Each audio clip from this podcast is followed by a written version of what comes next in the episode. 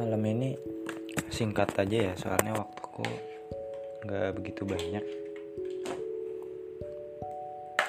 Yang penting doa aja sih. Kalau semisal mau pergi mau belajar mau apa pun semuanya butuh doa.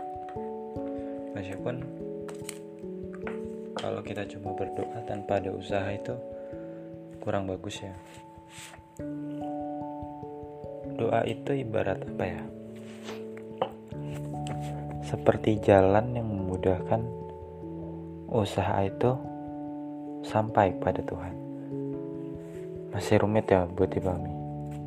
Doa itu adalah salah satu cara kita bisa rendah hati terhadap Tuhan. Karena apa dia tuh udah memberikan kita banyak kenikmatan banyak anugerah. Dengan berdoa tandanya kita bersyukur dan ingin meminta lagi. Tuhan tuh kalau diminta tuh seneng. Berbeda dengan manusia.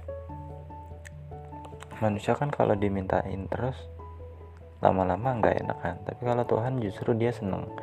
Artinya hamba ini benar-benar butuh pertolongan Tuhan yang Maha Penolong.